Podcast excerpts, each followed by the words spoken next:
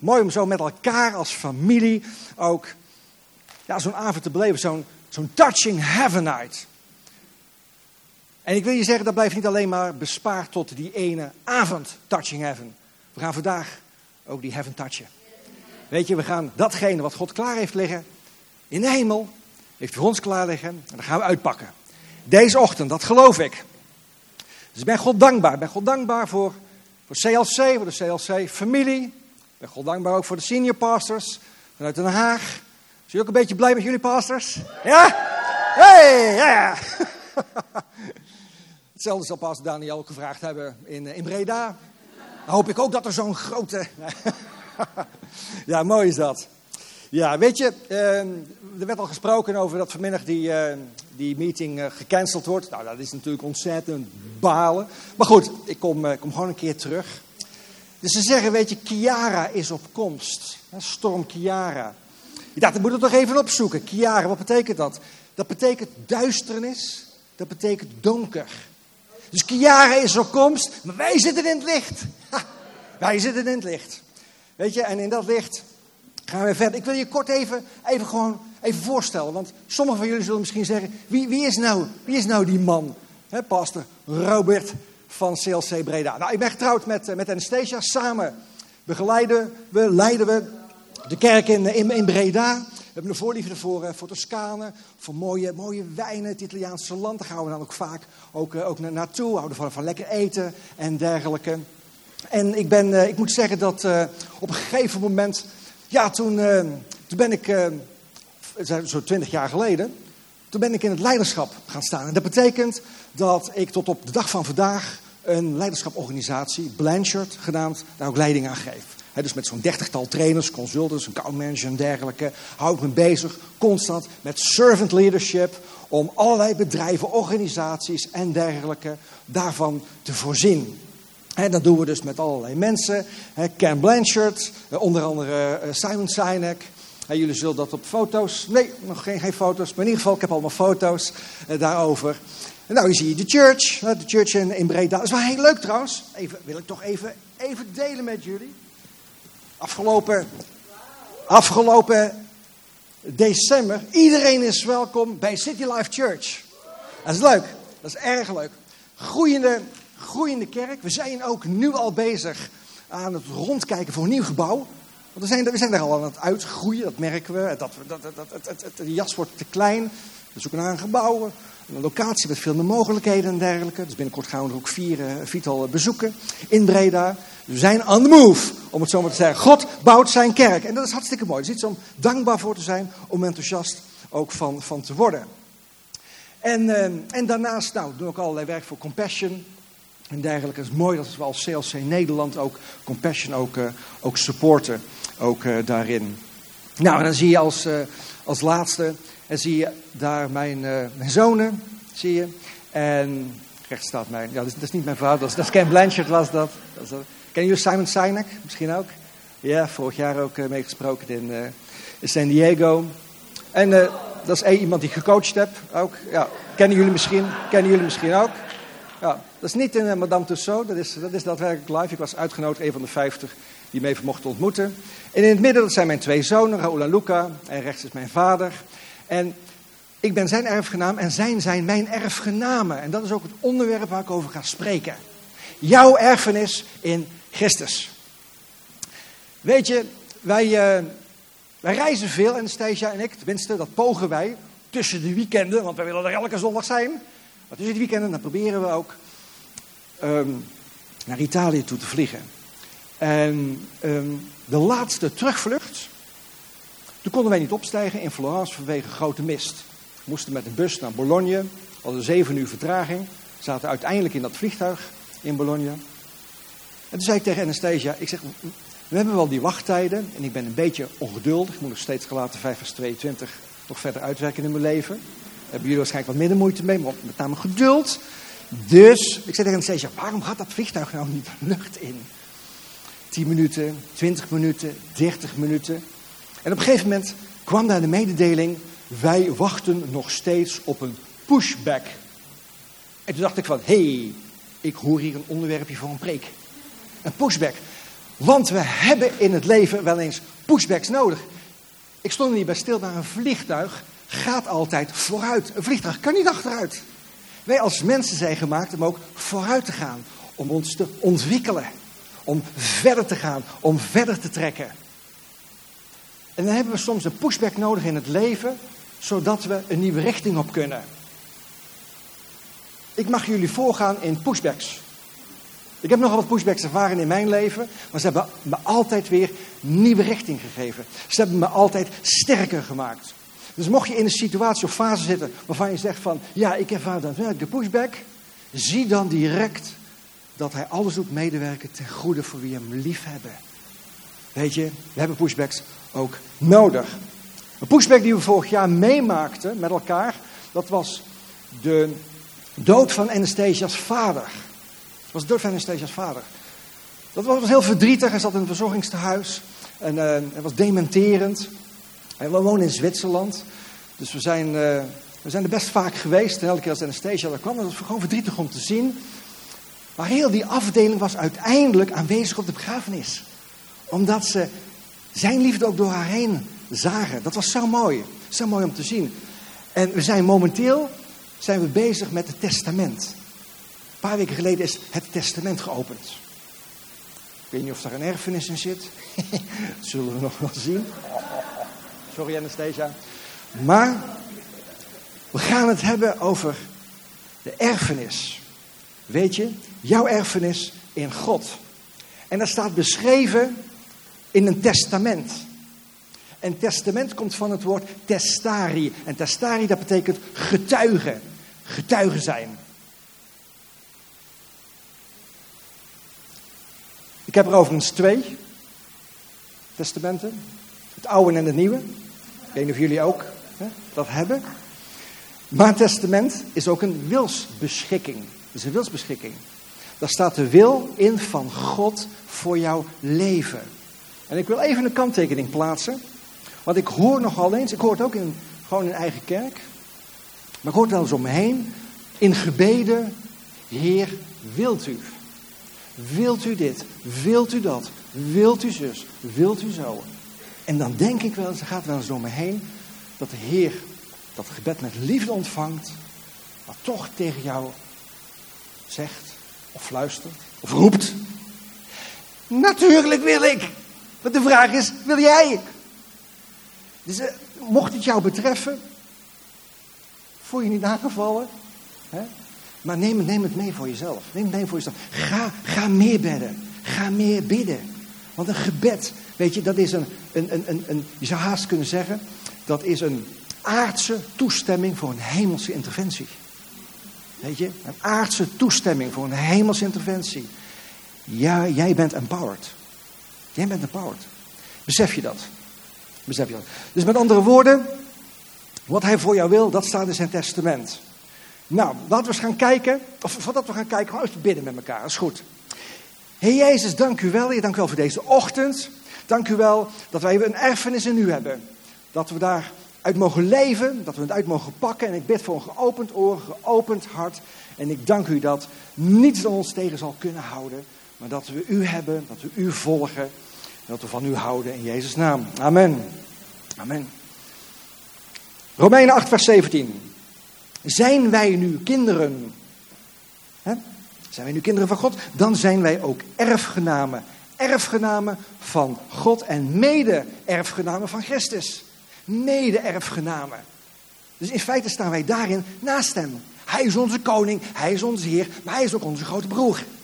Wij behoren bij die familie. Dus datgene wat voor Jezus bedoeld was, dat is ook voor ons bedoeld. En hij leidt ons daarin. En dat is geen hoogmoed, maar dat is wat ook in de Bijbel staat. Dat is dat zoonschap waarover gesproken wordt. Weet je, als wij het hebben over de world is waiting, dan wacht de wereld, dan kijkt de wereld met rijkhalsend verlangen uit op het openbaar worden van de zonen en dochteren Gods. Dat is dat dat steeds zichtbaar wordt in ons leven, dat Jezus steeds meer naar buiten komt in ons leven. Dat wordt daarmee bedoeld. Dus weet je, als het gaat over erfgenamen zijn, dat betekent dat dat we erfgenamen van God zijn, mede-erfgenamen van Christus zijn. En ik heb ik ben daar vervolgens gaan lezen en ik kwam bij Jozua uit. En dat is een geschiedenis die in de natuurlijke wereld heeft plaatsgevonden. En die gaan we met elkaar gaan we die geestelijk vertalen. Wat kunnen we daar nou uit halen voor ons eigen leven? Hoe kan dat jou sterker maken? Hoe kan dat jou scherper maken als christen? En hoe kan jou dat ondersteunen in de fase waar je op momenteel zit? Dus we gaan een geestelijke vertaalslagen in maken. Komt-ie. En God zei, Jozua 1, vers 2 en 3 uit de MBG-vertaling. Wel nu, maak u gereed. Trek over de Jordaan, hier. Dat is ook zo mooi, hè? Trek over de Jordaan, hier, zegt hij. Niet daar, niet dan, ooit nog een keer. Nee, hier. Dus maak nu een keuze en trek over de Jordaan. Zal er nog geen vliegtuig, dus door de Jordaan, door het water. Over een paar weken wordt er gedoopt hier. gaan we in het water en dan komen we eruit. Het zinnenbeeld door het water. Ik hoop dat je eruit komt. Gij en dit gehele volk. En ga dan naar het land. Het trekt dan het land Canaan. Wordt ermee bedoeld binnen. He, dat land van melk en honing. Nou, dat zullen we nog wel eens zien. Of dat land van melk en honing is. Staat dat ik hun, de Israëlieten, geven zal. Dat is een belofte. Elke plaats die uw voedsel betreedt, geef ik uw lieden. Dus elke plaats. Dus overal waar jij je voet op zet, dat is jouw gegeven. Besef je dat? Besef je dat? Dat omdat wij Jezus kennen en toegelaten hebben in ons hart, in ons leven, hebben wij ook de macht en dat gezag om die voetstap te zetten. Dus als wij, dat is zoals een bedrijf, we zijn op zoek naar een nieuwe locatie, dan gaan we onze voet erop zetten. Zet je voet in geloof op gebied wat jou al gegeven is. Soms moet je even uitzoeken of dat gebied wel bij jou behoort, of het jouw metron is. Want dat bevestigt God wel. Dus trek het land binnen. In de NBV-vertaling staat: Elk stuk grond dat jullie zullen betreden, geef ik jullie zoals ik Mozes heb beloofd. Dus in geloof stappen zetten. Uit je comfortzone gaan. We gaan dus nu op dit moment gaan wij uit onze comfortzone stappen. Zijn jullie er ook klaar voor? Ja? Want dat vond je altijd even, even lekker, even knus, even veilig. Maar het is goed. God wil ook ons uitdagen om een stap verder te gaan. Ja? Dan staat er in vers 5. En zolang je leeft, zal niemand tegen je kunnen standhouden. Dat is Gods belofte. Zoals ik Mozes heb bijgestaan, zo zal ik ook jou bijstaan. Ik zal niet van je zijde wijken en je niet verlaten. Wees vastberaden en standvastig. Dat komt er nog ettelijke keren in voor. Gaan we nog ettelijke keer teruglezen. En je zou je af kunnen vragen, ik trek dus een land in wat mij beloofd is. En waarom staat er dan elke keer zo nadrukkelijk geschreven, wees standvastig en... Waarom? Wees moedig, wees sterk, staat ook in andere vertalingen. Dat heeft ermee te maken, je krijgt het namelijk niet zomaar. Je moet daar wel wat voor doen, luidt de slogan. Wanneer jullie het land veroveren, in de grondtekst staat beërven, die erfenis, dat ik jullie zal geven zoals ik jullie voorouders gezworen heb. En houd je voor alles vastberaden en standvastig aan de wet. Dat is de Bijbel, dat is zijn woord waarin mijn dienaar Mozes jullie heeft onderwezen. Houd je daar altijd aan en wijk er op geen enkele manier van af. De andere vertaling staat niet naar links, niet naar rechts. Soms zoeken wij een vertaling die het beste bij ons past. dan gaan we naar een vertaling zoeken. Als we niet verzinnen, dan verzinnen we zelf een vertaling. Ja, meen ik, ik serieus? Soms als we bepaalde dingen of, of, of, of niet snappen, of niet willen zien, dan plakken we daar een eigen vertaling op. Ja, maar dan zeggen we, ja, maar je moet de Bijbel wel zien in het uh, licht van uh, vandaag. Ja, dat snap ik. Dat snap ik. Maar ik wil graag de Bijbel zien in het licht van de Heilige Geest. En wat die te zeggen heeft. Want dat is de geest van alle tijden. Weet je? En de dingen die positief voor ons zijn, die pikken we eruit. En die planten we op een tegeltje en die hangen we aan de muur. Veilig. Maar er staan ook dingen in. Oh, ik krijg het altijd een beetje warm van. Maar dan ga ik, weet je, daar ga ik over pijnzen. Daar ga ik over nadenken, daar ga ik verbidden. Wat betekent dat dan? Wat kan ik daarmee in mijn eigen leven? Waarin mijn dienaar Mozes jullie heeft onderwezen. Houd je daar altijd aan en wijk er dus op geen enkele manier van af. Niet naar rechts, niet naar links, zo. Opdat je in alles wat je doet zult slagen. Leg dan dat wetboek, leg dat wetboek geen moment terzijde en verdiep je er dag en nacht in, opdat je je aan alles houdt wat erin geschreven staat. dus opdat je nauwgezet handelt overeenkomstig wat daarin geschreven is. En dan zal een beetje wat je onderneemt voorspoedig verlopen.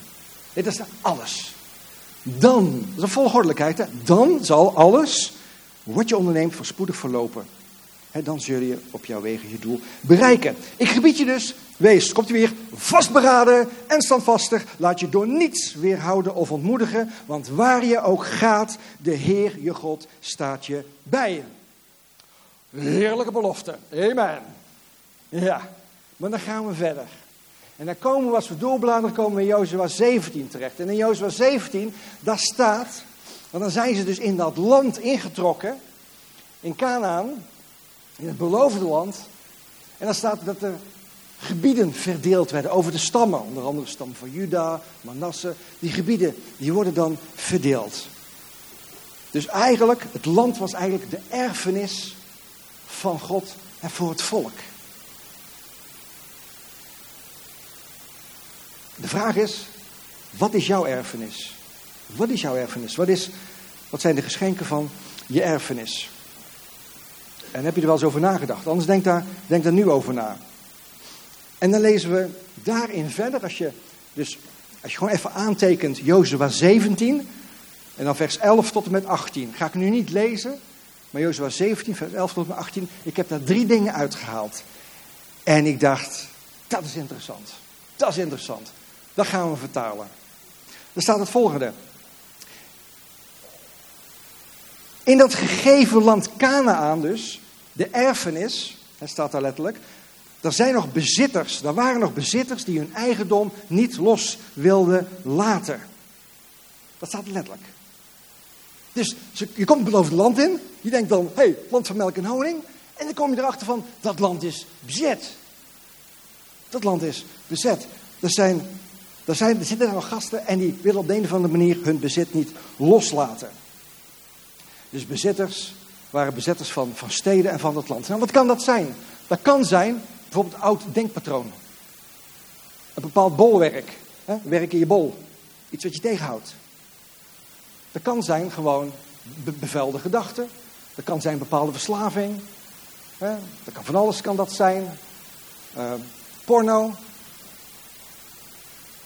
Denk aan bepaalde slechte gewoontes. Vul maar in voor jezelf. Maar eigenlijk iets wat jou bezet houdt, of wat een gedeelte bezet houdt, waarvan je weet, hoort er eigenlijk niet bij, maar hmm, ik ontmoet het, maar hmm, ik vind vast wel een tekst, iets over genade, dat ik een bocht kan maken. Herkennen jullie dat? Of, misschien dat ze dat alleen in Breda herkennen, maar ik herken, ik herken dat wel in eigen leven. He? Kan dus van alles zijn. Slechte gewoonten, middelwaardigheid, allerlei zorgen, noem maar op. Tweede punt. Ook al waren de steden veroverd, staat er letterlijk ook, hè? Ook al waren de steden veroverd, dan nog konden de Israëlieten, hoewel ze sterker waren, de bezetters niet verdrijven. Nee, die bezetters, dat waren dus die Kanaïten. Dus moet je je voorstellen, er staat letterlijk, ook al waren ze sterker, dus ook al ben jij sterker in hem, dan nog konden ze de Kanaïten niet verdrijven. En die Kanaïten, daar staat over geschreven, dat waren lange mensen. Dat waren grote mensen, dat waren reuzen. Grote mensen. En ze hadden waarschijnlijk uh, de ijzerwarenhandel uitgevonden. Want ze hadden ijzeren wagens. Komt dan ook voor het eerst voor. Dus dat waren wat robuuste mensen. Volgens mij zullen niet alleen de mannen groot geweest zijn, maar ook de vrouwen. Dat is een groot, groot volk, niet alleen een getal. Maar ook dus hoe ze eruit zagen. Dus imponeerde, zou je kunnen zeggen. Met andere woorden, er kunnen dingen in je leven zijn die je imponeren. En hoewel jij sterker bent, hoewel je zijn gezag hebt gekregen, laat je het je toch gebeuren. In plaats van eruit te schoppen, in plaats van het gevecht aan te gaan. Je laat je eigenlijk daarin overrulen, een soort status quo. Maar als je uit je comfortzone wil stappen, betekent dat dat je dat, naar datgene toestapt waar de wonderen gebeuren. Wonderen gebeuren nooit in je comfortzone. Die gebeuren pas als je eruit stapt. Dus op het, op het moment dat je die kan, eten, weet je, gaat feesten. Dus als we dat vertalen, dan zouden we kunnen zeggen van, we maken niet altijd gebruik van de kracht en de macht van Jezus. En even kittelen. Even kittelen. We maken het de duivel soms ook wel een beetje makkelijk.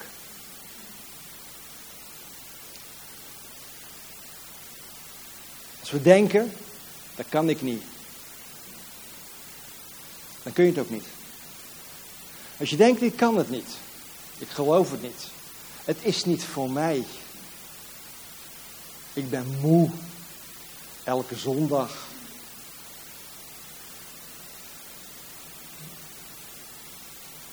Ik hoor er niet bij.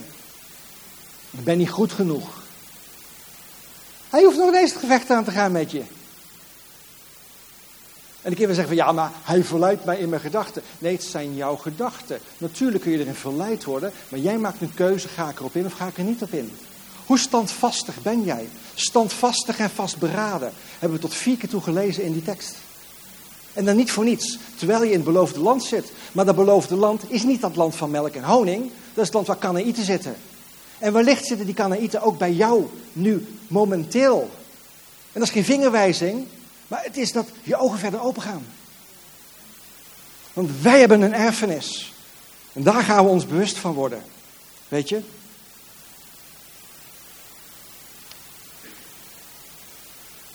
En als derde punt in dat stuk kun je vanmiddag ook weer teruglezen.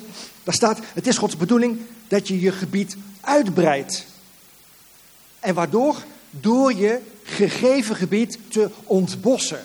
Daar staat letterlijk, even kijken, vers 18, zegt Jozua, rooi eerst de bossen op die bergen en dan krijg je ook de uitlopers van die bergen en op den duur, dus dat is een proces, op den duur zullen je de Kanaïten ook kunnen verdrijven, al zijn ze sterk. Dat staat letterlijk. Dus is de opdracht van God eerst ontbossen en dan pas verder trekken. Dus moet je nagaan. Ze zijn het land ingetrokken. Ze wonen in het land. Maar ze verdrijven niet de Kanaïten. Dus ze maken niet tot hun bezit. Terwijl ze er recht op hebben. En ze verjagen de bezetters niet. Vertaal dat eens naar je eigen leven. Naar ons leven. Ja, wat dat betekent. Ontbossen. Ontbossen is in feite gewoon het onkruid eruit trekken. Twee jaar geleden, geweldige prekenserie, Rooted. Zodat je geworteld wordt in zijn liefde, geworteld wordt in zijn woord, geworteld wordt in hem. Maar wil je diep geworteld raken, dan moeten bepaalde stenen uit die grond. Dus eerst moet het ontbost worden. Dan kun jij namelijk ook verder land in bezit nemen. Je kan niet dan, maar, land in bezit, hey, land in bezit. Nee, je zult eerst moeten ontbossen. Dus dat betekent onkruid eruit. En dan zegt Jozua in hoofdstuk 18, vers 3. Man, wat hij denkt van, ze ruimen niet op, ze trekken niet verder. En dan zegt hij, hoe lang moet die besluiteloosheid nog duren? Wanneer neem je nou eindelijk het land in bezit dat de Heer, de God van uw voorouders, u geschonken heeft? Eerst stond ik met jullie al een tijd te wachten om de Jordaan over te steken. nou zitten we in dat land. Wanneer neem ik nou ook daadwerkelijk in bezit? zijn niet mijn woorden, hè? Dit is wat Jozua, wat zei. Hoe lang moet die besluiteloosheid nog duren? Wanneer neem je nou eindelijk het land in bezit dat de Heer, de God van uw voorouders, geschonken heeft? In het boek, in die vertaling staat, waarom verdrijven jullie niet de mensen die nog in jullie gebied wonen? De Heer, onze God, heeft het land immers aan jullie gegeven. Dus aan jou gegeven met als doel dat je daar vrij zou kunnen leven. Vrij van verdriet. Vrij van zorgen. Vrij van allerlei machten. Gewoon vrijheid. Weet je, vrij van vermoeidheid. Vrij van negativiteit. Oh, heerlijk. Wie wil dat? Ja, ja. Ja, dat willen we allemaal. Maar weet je, er is een groot verschil tussen eigendom, bezit en profiteren van dat bezit. Even een voorbeeld. Een voorbeeld. Ik heb een stukje grond In Italië, in Toscane. Dat is mooi. Ja? Er kwam een moment en de ondertekende, Anastasia, die ondertekende dus de papieren. Dat is het huisje wat op dat grondstuk staat. Dus die ondertekende dat. Dus toen, je zou kunnen zeggen, toen was het in feite, behoorde het ons toe. Ja? Hadden we de eigendomspapieren. Dat is eigendom. Maar dat is op papier. Op een gegeven moment trokken we er naartoe. Gingen we bekijken. Zagen we het. Dachten van wauw, dat is gaaf, dat is mooi. En toen, dat zie je als je heel goed kijkt. Dan zie je daar aan de rechterkant de boom staan. Daar staan we olijfbomen. Zo'n 30 olijfbomen. Dan gingen we ervan profiteren. We hebben nu ook onze eerste olie, eigen olie uit de tuin. Ga je, ga je profiteren van het land, wat het land jou geeft. Is olijfolie onder andere en lekker zonnetje. dat is ook. Dat zou ik je laten zien. Ik dacht, laat hem toch zien. Krijg je hem nog te zien? Hm. Daar is hij. Nu snel, snel, door, door, door. Ja. Dat is profiteren van het land. Maar dat deden we nog niet toen we ondertekenden. Dus er is een verschil tussen eigendom, het in bezit nemen en ervan profiteren. En dan moet jij je afvragen, waar zit jij? Zit jij nog steeds van die tekst in Jozua 1 helemaal mee eens?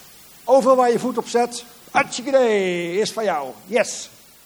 Zit je in die fase? Of heb jij je voet er al op gezet en leef je ervan uit? Of in die andere fase dat je ervan profiteert. Dat gaven van de geest. Hè? Vrucht van de geest. Galaten 5 vers 22, dat dat al helemaal tot ontplooiing aan het komen is. Dat je denkt van, yes, meer ruimte voor Jezus in mij. Wauw. Waar zit je? Het is mooi om jezelf af te vragen. dus een andere vraag die ik hier genoteerd had is: wat is er een deel van je leven waar je nog niet helemaal profiteert van de erfenis in Christus? Weet je, als je Jezus volgt, dan word je zijn vriend. En, dan, en, en, en, en, en je ontvangt vergeving. En, en rechtvaardiging. Rechtvaardigheid in God. Allerlei zaken. Je krijgt macht over zonde. Je krijgt gezag. Gezag over machten. En dat is gaaf. Allerlei dingen die jou ten deel vallen erin. Allerlei beloften die ook voor jou gelden. Dat, dat is je erfenis in Christus. Maar eigenlijk zegt God, als ik Jozua vertaal, eigenlijk zegt hij, beseffen jullie niet dat ik al die dingen heb ik jou gegeven. Waar wachten jullie nog op? Dus misschien heb je je leven aan Jezus gegeven, maar heb je hem ook toegestaan om elk deel van jouw leven in bezit te nemen? Je werk, je relatie, je vriendschappen, je huwelijk. Al die zaken. Op je gebedsleven. Het is mooi om een week van bidden en vasten te hebben. Dat is de juiste volgorde volgens mij. Bidden en vasten. Maar heeft hij die dingen ook in bezit mogen nemen? Je financiën, je geldzaken, bepaalde zorgen die je hebt. Mijn ervaring is dat het, dat het in feite een levenstaak is. En om die manier te groeien.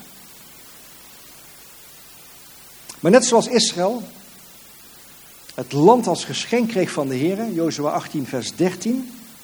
Zo heb jij talrijke geestelijke zegeningen ontvangen in Jezus. Talrijke zegeningen heb je ontvangen in Jezus. Staat in e- Efeze 1, vers 3. Dat hebben we ontvangen. Dat is zo gaaf. Maar de vraag is, wanneer nemen we nou vanuit die erfenis die geschenken aan? Dus in hoeverre nemen we nou die geschenken aan of zetten we ze eigenlijk of staan ze nog bij de deur? En toen moest ik denken aan het volgende. Want het zou kunnen dat je, je, je, je weet je hebt wel eens gelezen iets over de erfenis. Je weet dat God allerlei geschenken voor je heeft. Je weet dat God voor jou bedoeld heeft macht en, en, en, en genezing. En, en je weet al die dingen, al die beloftes. Je weet het allemaal. Alleen het lijkt soms wel alsof je de sleutel nog niet hebt gevonden. Maar ik zou zeggen, zoek niet langer. Want je hebt de sleutel. En die deur die staat open. Alleen we zijn als het ware die olifant. die jaren gevangen heeft gezeten. Aan zo'n aan zo'n ketting. Ja? En dan is die ketting eraf. En dan blijven we staan. Terwijl God zegt, trek naar het beloofd land gewoon in. Neem het in bezit. Trek verder, trek door. Ik heb zoveel goede dingen voor je. Maar ik kan je die dingen alleen maar geven als je gaat lopen. Als je stappen gaat zetten in mijn naam. Dus zijn we bereid, willen we die geschenken ontvangen? Of is er toch nog zoiets van, mm, wij, wij, uh, mijn focus is nu al ergens anders. Of ik heb geen tijd. Of ik zie het belang er niet van in. Of ik laat me afleiden. Hè, of, of, of het zal wel niet voor mij zijn. Et cetera, et cetera. En toen ik even over die geschenken door ging denken. Weet je, toen kwam ik eigenlijk terecht bij het Hart voor het Huisboekje. Want er waren geschenken. De wijzen hadden geschenken. Dat weten jullie, kun je nog herinneren. Als je meegegaan bent in het boekje ook. In Matthäus 2 vers 11 kun je lezen. De wijzen knielden voor hem en eerden hem. En ze gaven hem de dure geschenken die ze meegebracht hadden. Goud, wierook en mirre. Goud, wierook en mirre.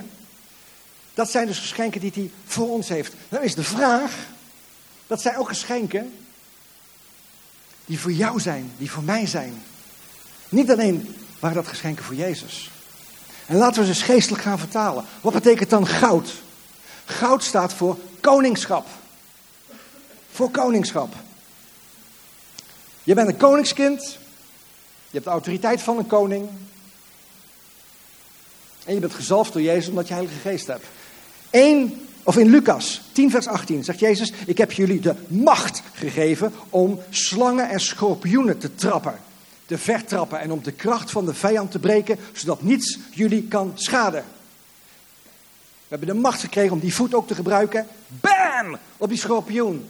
Bam! Op die slang. Ik heb er even foto's bij gezet. Niet van schrikken. Schorpioen is giftig. Ja, heeft ook een schaar. Dat is zo'n geest en die wil jou beperken. Die wil je inknippen. Die wil je afsnijden van. Ja, ben je een beetje moe. Ja, voel toch een koudje opkomen. Ja, ik denk dat ik thuis blijf. Nee, niet af laten knippen. Doorgaan. Dat is een schorpioen. Voep, gif. Zo'n slang ook. Weet je, zo'n slang die begint een beetje te kronkelen. Een beetje met de verleiding en dergelijke. En je laat het gebeuren. En vooral als een wat grotere slang is. Hij komt steeds hoger. En hij neemt je in de knil. Ja, want je krijgt steeds minder lucht. Ook naar binnen. Verstikking. Verstikking van je geestelijke leven. Dat wordt hiermee bedoeld met schorpioenen en slangen. Er ook 2 Timotheus 2 vers 12. Als we vasthouden aan het geloof, zullen we ook met hem als koningen heersen. Dat is mooi. Hebreeën 2 vers 7 en 8. Dat dat belangrijk, dat ding ook gefund, gefundeerd wordt uit het woord. U hebt de mens met eer en luister gekroond. En luister, dat staat voor voortreffelijkheid. Dat staat voor iets wat, wat, wat zeer belangrijk is, wat een rijkheid heeft een volheid heeft. Alles hebt u aan hem onderworpen. Dat staat, en er staat er verder nog geschreven. Doordat hij alles aan hem onderworpen heeft, rest er niets dat niet onder zijn gezag is gesteld. Rest er niets. Staat althans in mijn vertaling. Ik hoop ook in jouw vertaling. Ja. Wierook. Wierook. Dat is, laten we dat zo vertalen geestelijk. Dat is de geur van Christus die we verspreiden. De geur van Christus. Is niet bot bedoeld, maar hangt er een lijklucht om je heen? Of een lucht van leven om je heen? Wat hangt er om jou heen? Weet je, geur van Christus. 2 Korinthe 2, vers 15. Zie hem ook staan? Want wij zijn voor God een geur van Christus. Onder hen die gered worden. Of die verloren gaan. Een levensgeur die we willen verspreiden. Weet je, die geur is niet alleen ook zo fris. Dat is dat je zijn houding, zijn gedrag, de taal die er uit jou komt. Dat je dat laat zien om je heen. In je handel en wandel. Dat is de geur van Christus verspreiden. Dat is waar ik het over had als het gaat om Galaten 5 vers 22. Die vrucht van de geest. Lekker tot ontwikkeling laten komen. Laat hem maar uitkomen. Laat hem maar uitborrelen lekker aan het werken, al twintig jaar. Mijn geduld. En de Heer is heel geduldig met mij. Maar er gaat een momentum komen. Yes. Hij is in controle over alles.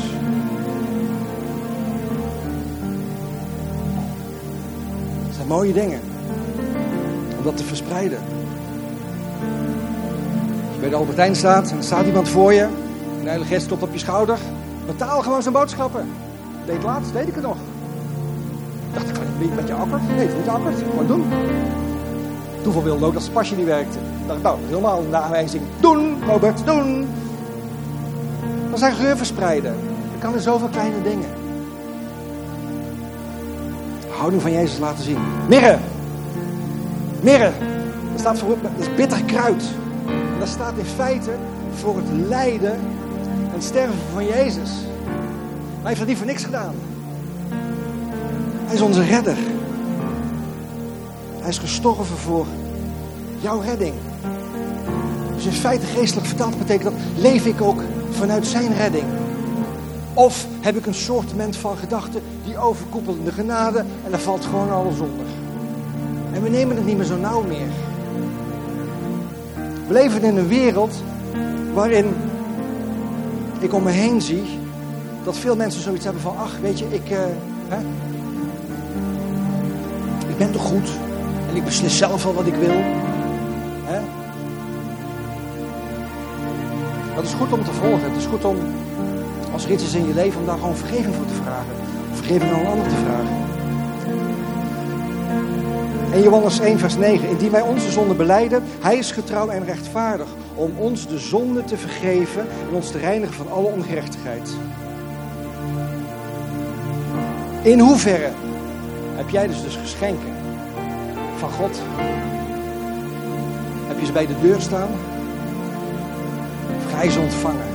Wil je ze in ontvangst nemen? Dus mijn uitnodiging is om het land verder in te stappen. Om overwinning te behalen over die Kanaït. Die bezetter, die misschien al jaren iets bezet heeft. En diep in je hart weet je dat hij dat bezet heeft. Weet je, dat voel je, dat proef je. Ja, Bent, kom maar naar voren. Kom maar gewoon naar voren. Hoppa. We gaan naar de afsluiting toe.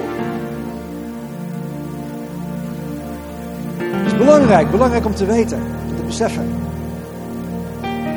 Die erfenis, die is van jou. Jij bent zijn erfgenaam. Al die beloften, die zijn voor jou. Jij bent krachtiger dan je denkt. Je hebt gezag op slangen en schorpioenen te treden. Je kunt niet bepaalde machten of een verslaving of wat dan ook. Je kunt het eruit. Echt waar. Zijn zoals Jezus, dat heeft hij bedoeld voor ons. Laten we ons ogen een moment sluiten. Er zijn twee vragen die ik je wil stellen. Gewoon even om een privé moment te creëren voor onszelf. En de eerste vraag die ik je wil stellen is: in hoeverre heb jij Jezus in jouw leven? Heb jij Jezus in jouw leven? In hoeverre heb je hem toegelaten? En als je Jezus nog niet in je leven hebt, wie wil dat? Wie wil deelgenoot zijn? Dat hij je vriend wordt.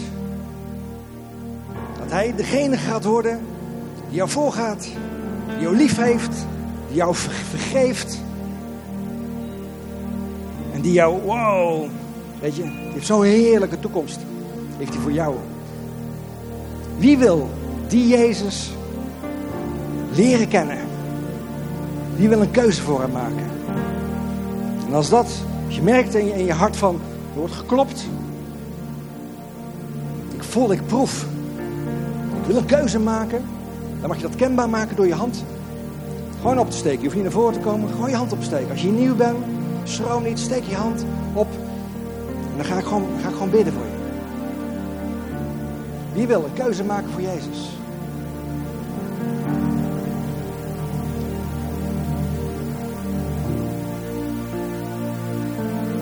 Steek je hand duidelijk op. Het is voor mij een beetje donker te zien, maar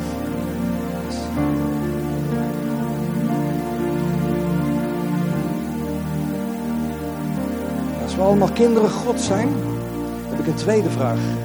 En dat is: wie zegt ik wil niet langer besluiteloos zijn? ik wil die erfenis uitpakken. Ik wil doorpakken. Ik wil doorstappen. Ik wil het gehele land in bezit nemen wat voor mij bedoeld is. Ik wil niet meer dulden dat daar een bezetter is op een bepaald terrein. Ik wil doorbreken. Ik wil in zijn naam overwinning behalen. Ik wil vergeving vragen over een bepaalde zonde die toch maar door blijft etteren in mijn leven. Dat wil ik niet meer. Streep eronder. Als dat voor jou geldt op dit moment, mag je dat ook kenbaar maken door je hand omhoog te steken. Yes, je had gezien? Yes. Schroom niet. Want het is een moment echt om een nieuwe keuze te maken ook. Een vernieuwde keuze te maken.